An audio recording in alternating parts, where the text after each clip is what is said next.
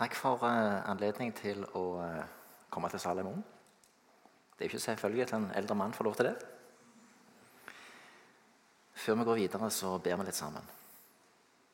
Herre, jeg har kommet inn i ditt hellige hus for å høre hva du, Gud Fader, min skaper, du, Herre Jesus, min frelser, du, Hellige Ånd, min trøster i liv og død, vil tale til meg. Herre, lukk nå opp mitt hjerte ved din Hellige Ånd så jeg av ditt ord kan lære å sørge over mine synder og tro i liv og død på Jesus og fornyes dag for dag til et hellig liv. Det hører og bønnhører du ved Jesus Kristus, vår Herre. Amen.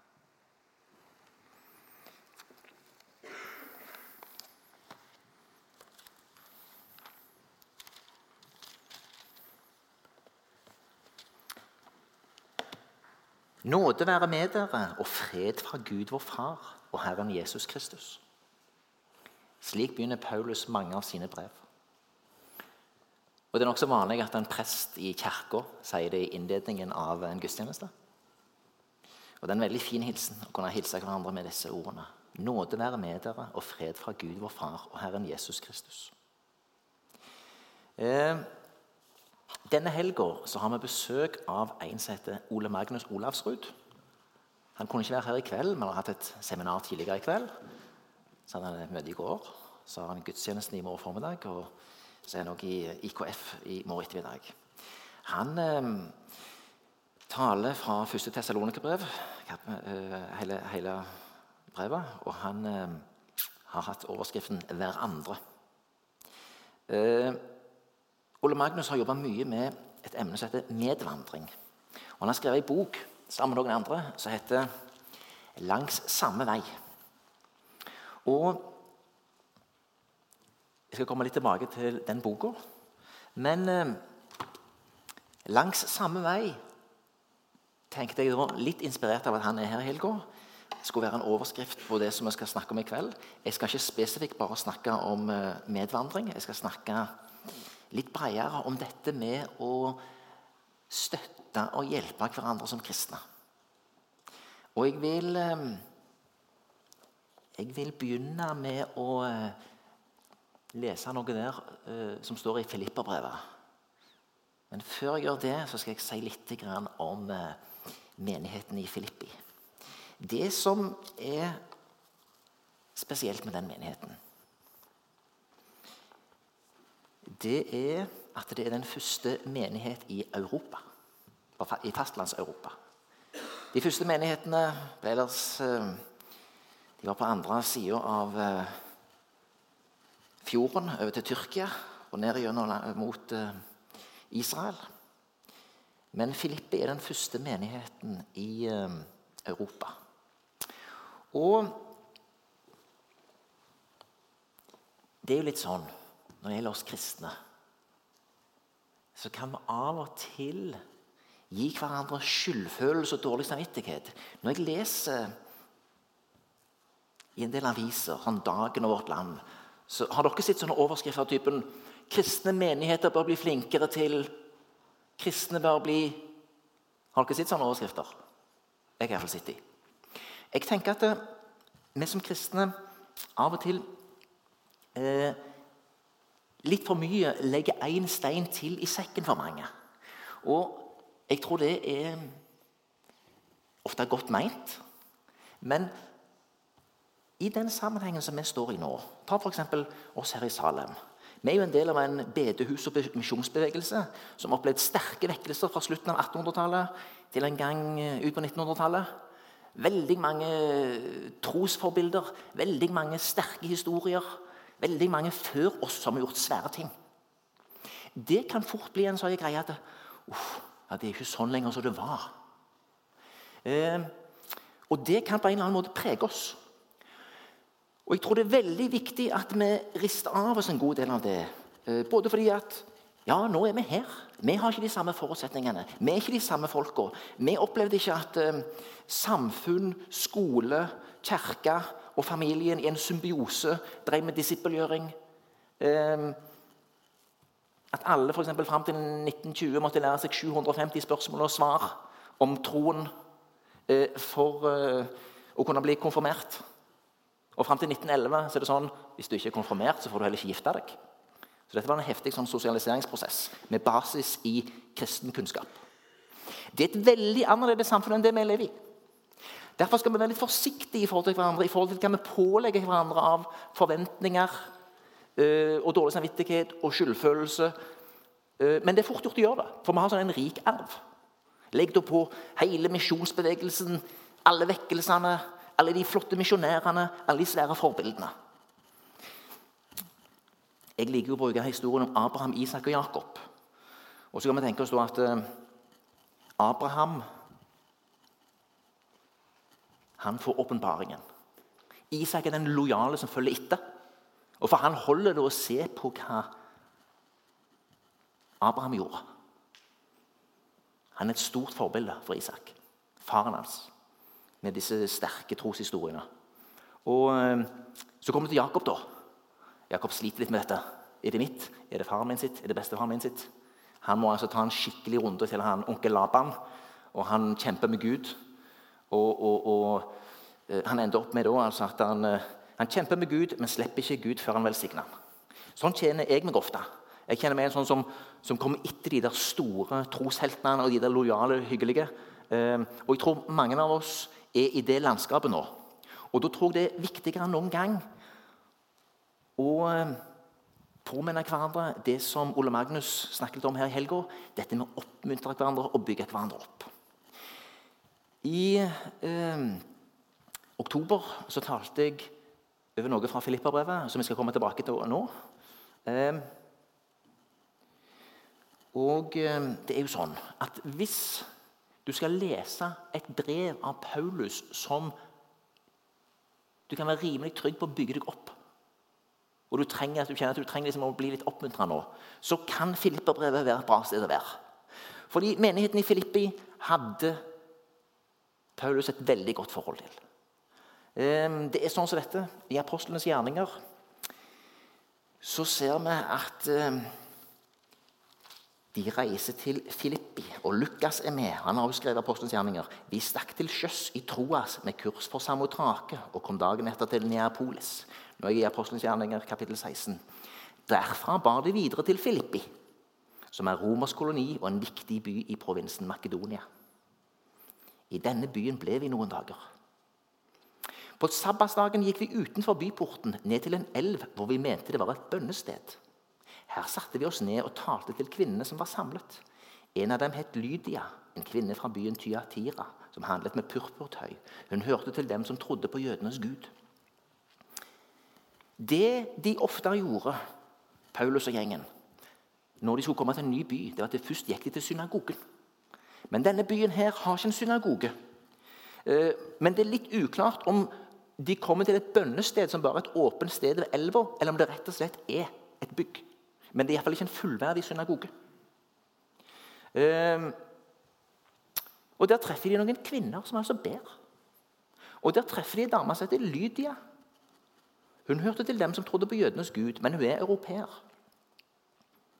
Og Herren åpnet hennes hjerte, så hun hørte på det Paulus sa.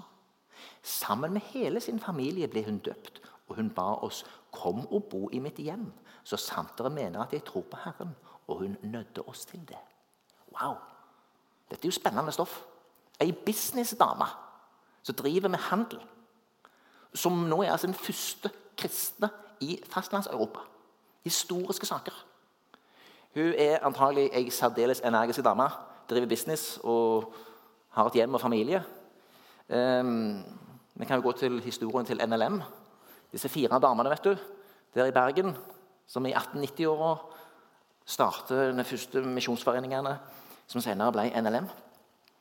Uh, det er jo sånn at Olivia Halvorsen hun driver da moteforretning i Bergen sentrum. Hun er antagelig i 20-åra. Hun og noen venninner vil starte misjon for Kina. De sleit litt med å få en del menn til å sitte i styret, men det var klart. Så gikk det bare ei uke, og da var det danna to store misjonsforeninger. Så da var det i gang. Energiske damer, altså. De får til en del ting. Og Lydia er nok en sånn type.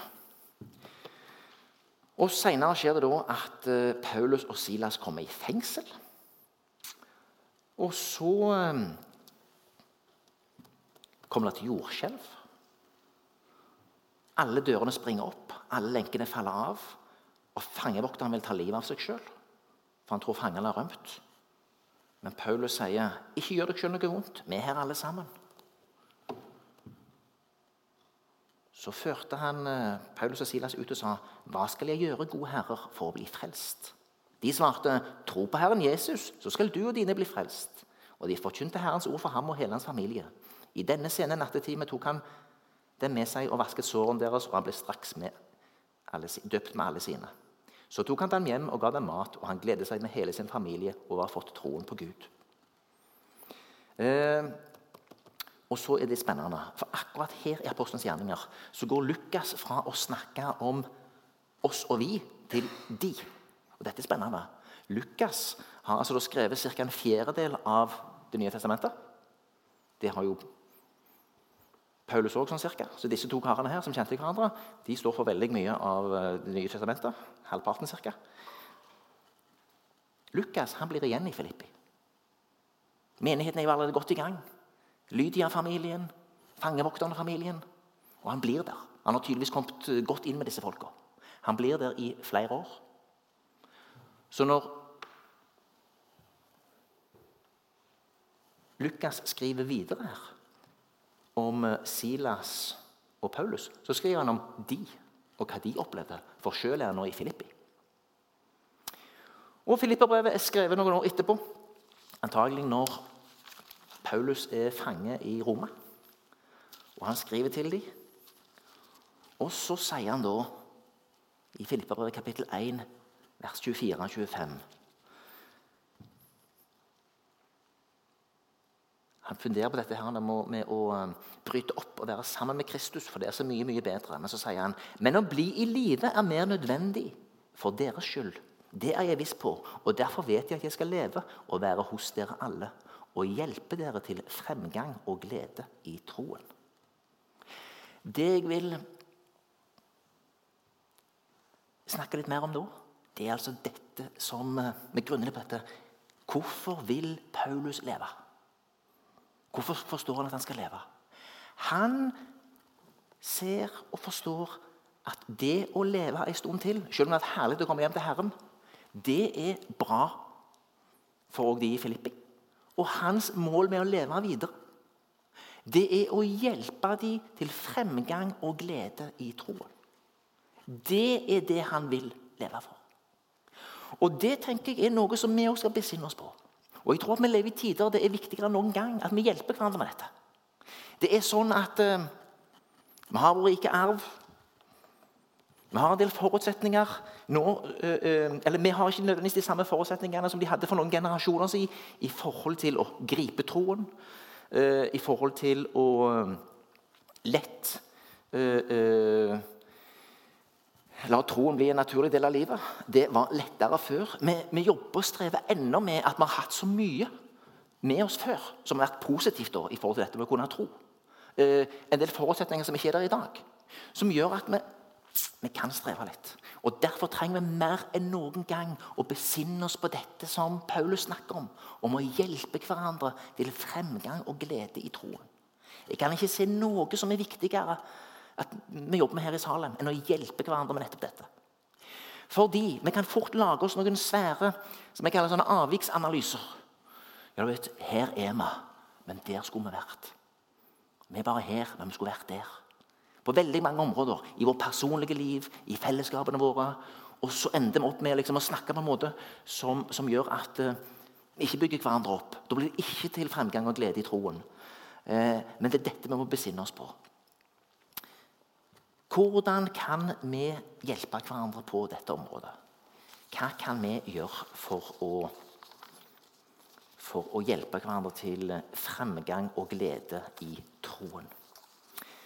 Hvis vi begynner med hva vi kan gjøre i det store fellesskapet, så er nok jeg av de som har stor tillit til at det å hjelpe hverandre med noen gode vaner eh, i, i, våre store samlinger eh, har en verdi.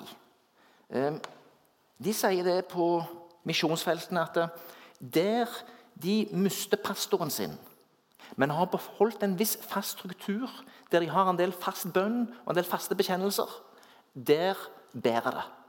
Der greier de. Eh, der kan du komme igjen etter noen år, og du vil fremdeles være kristne som samles. Hvis det ikke er det, så kan det ramle fra hverandre. Så vi trenger ofte en del sånne eh, og strukturer. For oss som er født inn i en sånn vekkelsesbevegelse, så kan det være utfordrende. For en del av den vekkelsen er født i en periode der kanskje Den norske kirke for eksempel, var veldig rasjonalistisk. Og Der det bare var faste ledd og strukturer, og disse leddene opplevdes som litt, sånn, litt døde. Men så kom Den hellige ånd, og en ble inspirert og satt fri, og en fikk se Jesus klart og tydelig. Det som er sannheten nå, det er at vi lever i stor grad i det vi kaller for en overleveringskultur, der vi oppdrar våre barn i troen Eh, noen får åpenbaringen, noen eh, griper troen eh, i, i, i, voksen alder. Men for mange av oss så er det sånn at vi, vi har fått opplæring i det. men av og til forlanger vi for mye av oss sjøl i forhold til inspirasjon. I forhold til hva dette faktisk har gjort med oss. Og det kan bli et stress. Derfor tror jeg at vi trenger å hjelpe hverandre med noen gode praksiser. Der som jeg er sjøl er altså gjerne noen faste bønner Gjerne synsbekjennelse, absolutt trosbekjennelse, helst ei, god, faste bønn. Ting som bærer oss og holder oss sammen. Eh, for å demonstrere det Trosbekjennelsen tar vi jo her senere i, i nattverden. Men vi reiser oss, og så ber vi synsbekjennelsen sammen.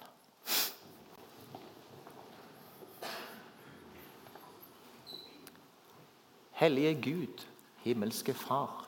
Se i nåde til meg, syndige menneske, som har krenket deg med tanker, ord og gjerninger, og kjenner lysten til det onde i mitt hjerte. For Jesu Kristi skyld, har langmodighet med meg. Tilgi meg alle mine synder, og gi meg å frykte og elske deg alene.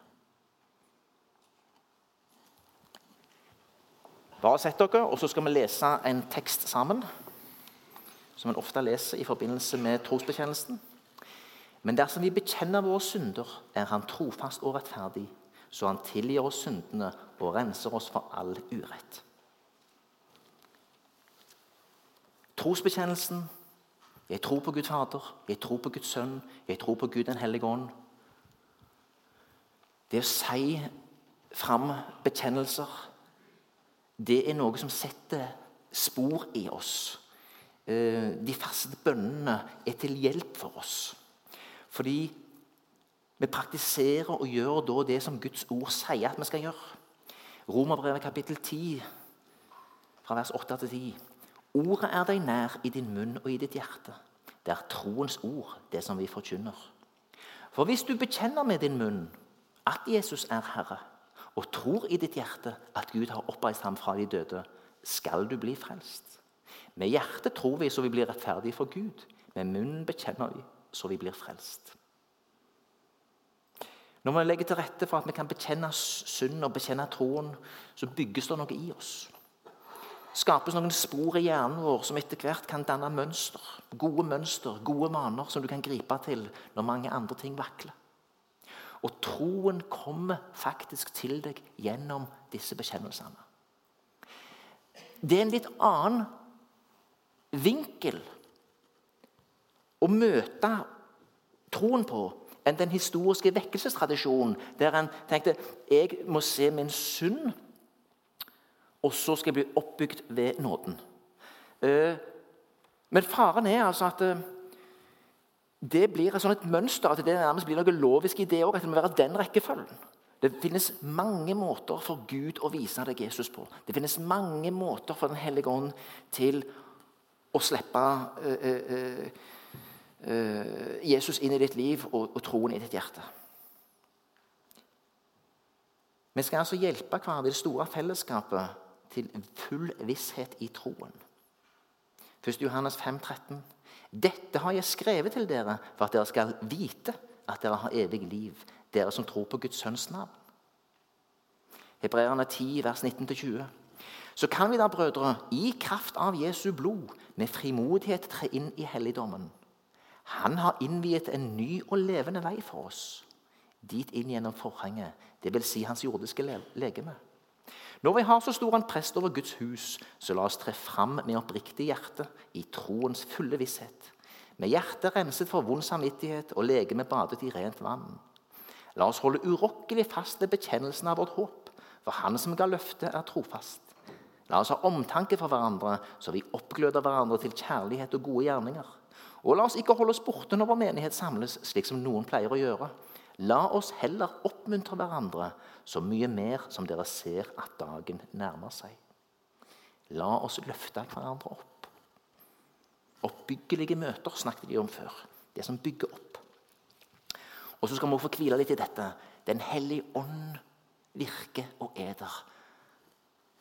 Og den skal gjøre det klart for oss. 1. Johannes 5, 19-20.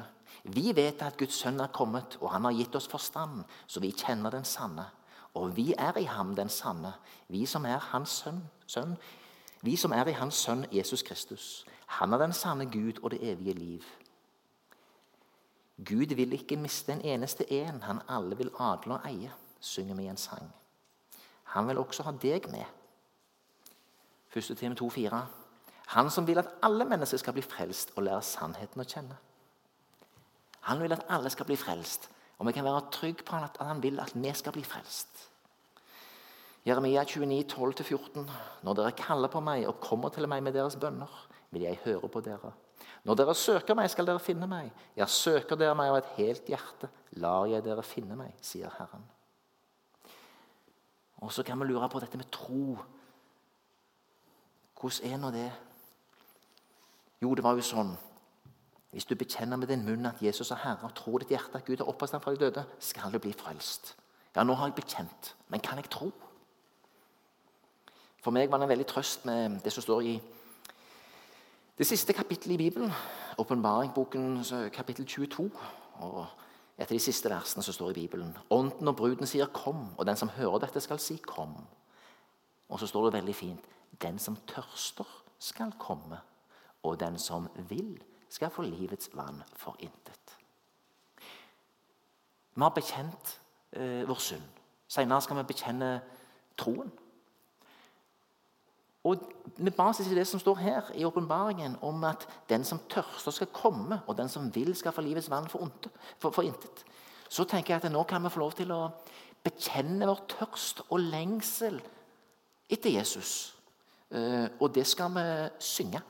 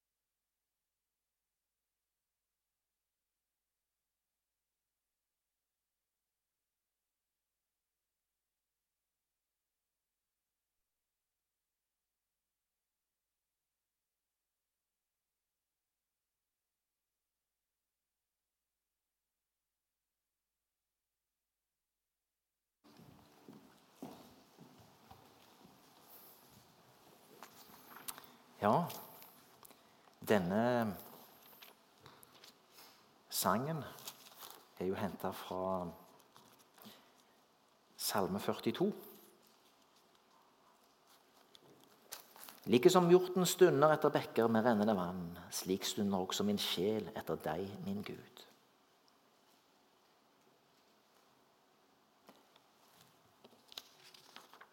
Vi bekjenner troen, og vi bekjenner vår lengsel og tørst etter Gud.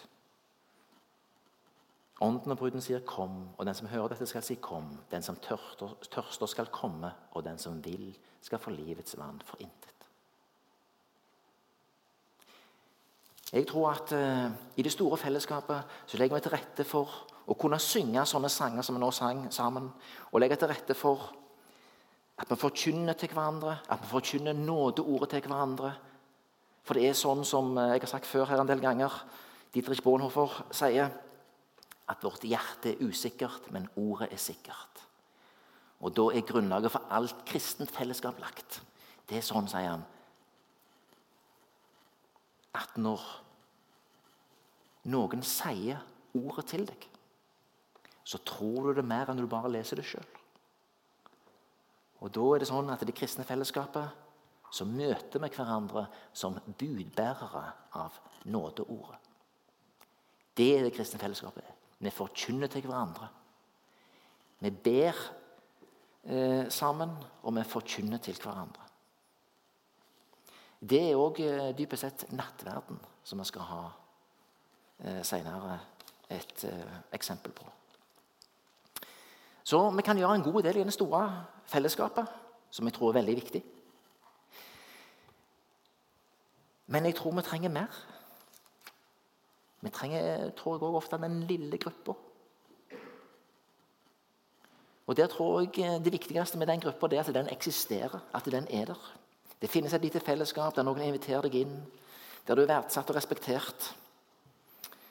Så klart så må noen eh, ta litt ansvar i den gruppa, at det ikke bare blir sosialt, men at vi bygger hverandre opp i troen.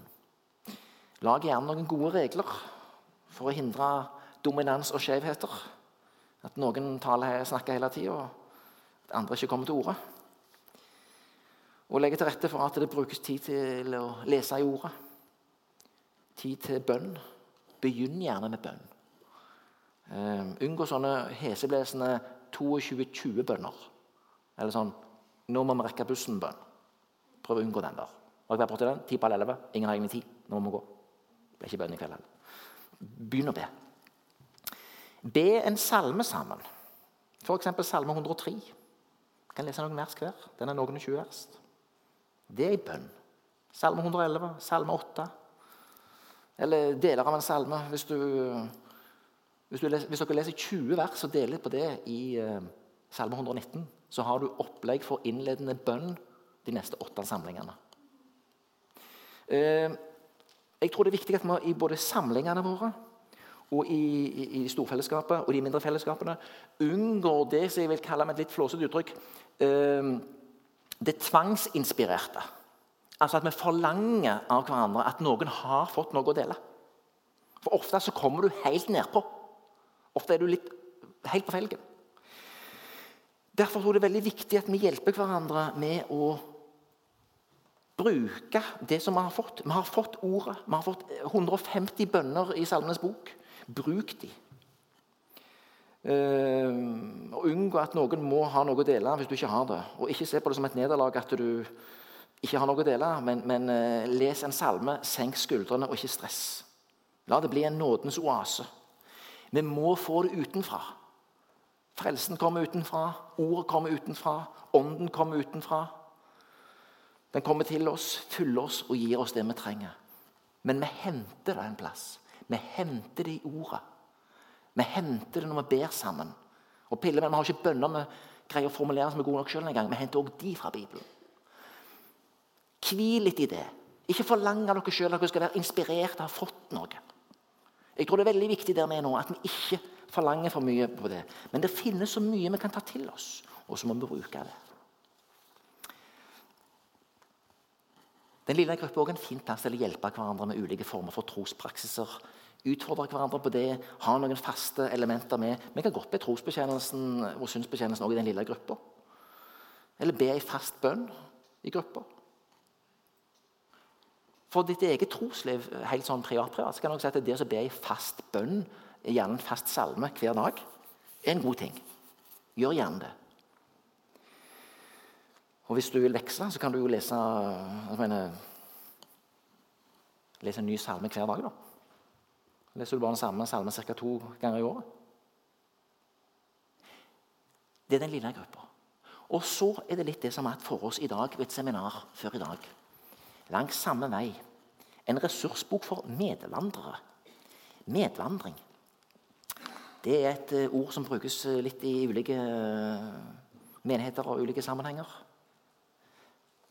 Men det er da typisk en litt planlagt, litt bevisst relasjon som godt kan ha eh, snev av å være et begynnende vennskap, men som i utgangspunktet kan være litt sånn som dette. At vi deler litt liv der vi er akkurat nå. Hvordan går det? At vi kan dele noe fra ordet.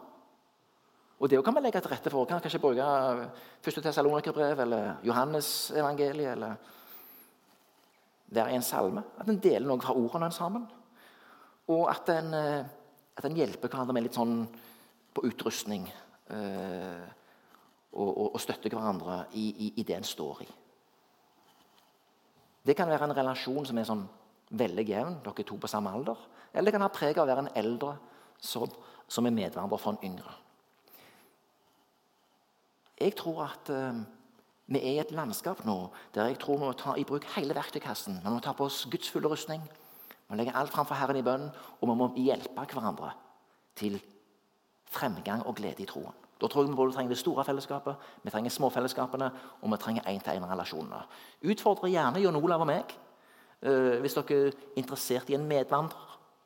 Uh, vi vil gjerne høre det, for vi er interessert i å jobbe mer med den sida. Og vi trenger virkelig å utruste hverandre. Vi er på et sted der vi trenger å hjelpe hverandre. Eh, og bygge hverandre opp. Hele Filippabrevet er gjennomsyra av eh, en god relasjon. Paulus har stor tillit til sine venner i Filippi. Kanskje betyr det at Lukas har vært der òg. I Filippabrevet kapittel 3 vers 15b så leser vi Og om dere ser annerledes på noe, skal Gud gi dere klarhet også i det. Han er ikke stressa med at de kan se litt ulykke på ting. Han er trygg på at Gud ved sin ånd vil gi dem klarhet òg i det. Og Det tenker jeg at det må vi også trøste hverandre med. Ha tillit til Den hellige ånd. I ett og alt så kan vi ha tillit til Den hellige ånd. Av og til kan vi bli litt ivrige og instrumentelle. Vi skal liksom fikse alt nå. Vi må tillate hverandre at vi er i en prosess, at vi er i ulike faser, at vi har ulik bagasje, ulike personligheter, og at vi, vi kan se litt ulikt på ting. Paulus gir menigheten eh, i Filippi den store friheten. Og Det skal vi òg gjøre i det som ikke åpenbart strider mot Guds ord. Vi har jo det som står i 2. kor 3,17. Herren er ånden, over Herrens ånd er der er frihet. Vi må da altså hjelpe hverandre til fremgang og glede i troen på ulike arenaer. Og så må vi overlate ting til Den hellige ånd. Overlate hverandre til Den hellige ånd. Og gi hverandre en viss frihet. Ole Magnus hadde på møtet som hadde i går, en um, liten gjennomgang hvor, hvor vi kan putte inn hvor mange setninger vi kan lage med hverandre. Jeg har lagd noen her nå. Hjelpe hverandre til fremgang og glede i troen. Bygge hverandre opp. Se hverandre oppmuntre hverandre, inkludere hverandre, dele liv med hverandre, stole på hverandre, støtte hverandre, sørge med hverandre, vise omtanke for hverandre, ha tålmodighet med hverandre, tåle hverandre, be for og med hverandre. Hvis vi kan gjøre alt dette, så kan det bli bra. Da har vi alle muligheter til å være levende steiner. Og For å kombinere da Efeserne 2 med 1. Peter 2. Levende steiner som bygges opp til en bolig for Gud i ånden. Da ser vi hverandre med Guds blikk, ser personlighetene, ser gavene og lar oss få utfolde oss fritt. Hvilke områder kan det være at vi kan hjelpe hverandre til fremgang og glede i troen? Jeg vil trekke fram eh, tre helt konkrete områder. Og nå er jeg litt inne på dette med medvandring. Hvis du kommer nær hverandre der. Jeg tror vi kan hjelpe hverandre med bilder av Gud. Vi har ulike ståsted. Noen har eh, et tydelig avklart forhold til hele guddommen. Fader, Sønn og Ånd. Historisk så har vi her i evangelikal setting, i bedehustradisjonen, et veldig sterkt fokus på det som jeg sier for toeren. Jesus som frelseren og forsoneren. Og det er rett.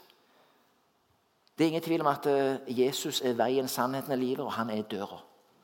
Samtidig er det viktig å ha klar for seg at eh, vi er skapte vesen. Vi er velsigna. Selv etter syndefallet er vi velsigna skapninger. Du trenger å kunne hvile i at Gud vil deg vel. Som vi ser i Pontoppidans i bok òg, der han spør i, tidlig i Pontoppidans sin forklaring, spørsmål fem Tror du så at Gud unner deg saligheten? Og svaret er ja, for han er en god Gud. Og Det må vi òg ha tillit til, at det er en god Gud som unner oss å finne ham. Og at det skapte oss har en verdi, og at vi kan eh, få hvile i at vi kan bruke vår tanke og vår fornuft på så mange områder. Og så tror jeg òg vi trenger å hjelpe hverandre eh, med å hvile at det er et åndens verk. Legge hverandre fram i bønn og hjelpe hverandre til å se at vi kan få kraft. Vi kan få helbredelse, vi kan få gjenopprettelse, vi kan få gaver. Og til den vandringa et liv det er ikke bare en tilstand som, som er ren sånn eh, Forsonet med Kristus. Punktum. Nei. Jesus er altså døra på veien inn til en vandring med han. I et spennende liv der vi skal støtte hverandre og oppmuntre hverandre på veien. Og Det er det å være menighet. Det er det å være smågrupper, og det er de én-til-én-relasjonen. Eh, jeg tror det kan godt å hjelpe hverandre med å forstå mer av oss sjøl når vi er igjen på det skapte. Um, Ole Hallesby, en uh, indremisjonsgeneral, han skrev for 100 år siden en bok som heter 'Temperamentene'. Det var bygd på gamle prinsipper om ulike mennesketyper. Fire grunnleggende mennesketyper. Noen som sier denne boka? Opp med hånden. Jeg har jo hatt den med før, jeg har ikke det? Jeg tror det. Bra. Uh, ok, uh, Det var de som leste boka. Hvem, hvem, er det som uh, ikke har lest boka, men allikevel opplever at de av og til kan være omgitt av idioter? Ja, dere er så høflige, men det er greit. det er greit. Han her er fin. Jeg tror han har en kristen bakgrunn. Han, han, han refererer til en del kristent stoff. og, og, og, og grunnleggende si, så finnes det da fire personlighetstyper. Og, Noen av dere har sikkert vært borti det i jobbsammenheng. og sånn. Eh, noen er introverte. Eh, noen er veldig utadvendte. Noen er veldig dominerende, andre er ikke dominerende. Hvis du krysser disse herrene, så får du da fire typer. Veldig grove eh, skisser. Men jeg tror vi kan hjelpe hverandre med å forstå hvem vi er. Og gjennom å forstå hvem du sjøl er, rent sånn personlighetsmessig, kan du også hjelpe eh, videre i forhold til gaver, nådegaver og sånne ting. Siste punktet som jeg tror er litt viktig for oss etter hvert, det er dette som går på vår egen bagasje. Vi har alle en bagasje. Vi har en tros- og livsreise. Vi har um, erfaringer. Vi har oppvekst. Vi har familie. Vi har eh, opplevd en del ting. Noe av dette kan feste seg og bli la oss si, eh, ting som, som eh, på et eller annet vis uh, binder oss. Jeg snakket med en en gang, Han var litt alvorlig syk. og sa han, Kristoffer Inge, jeg er veldig opptatt av å ikke bli sykdommen min.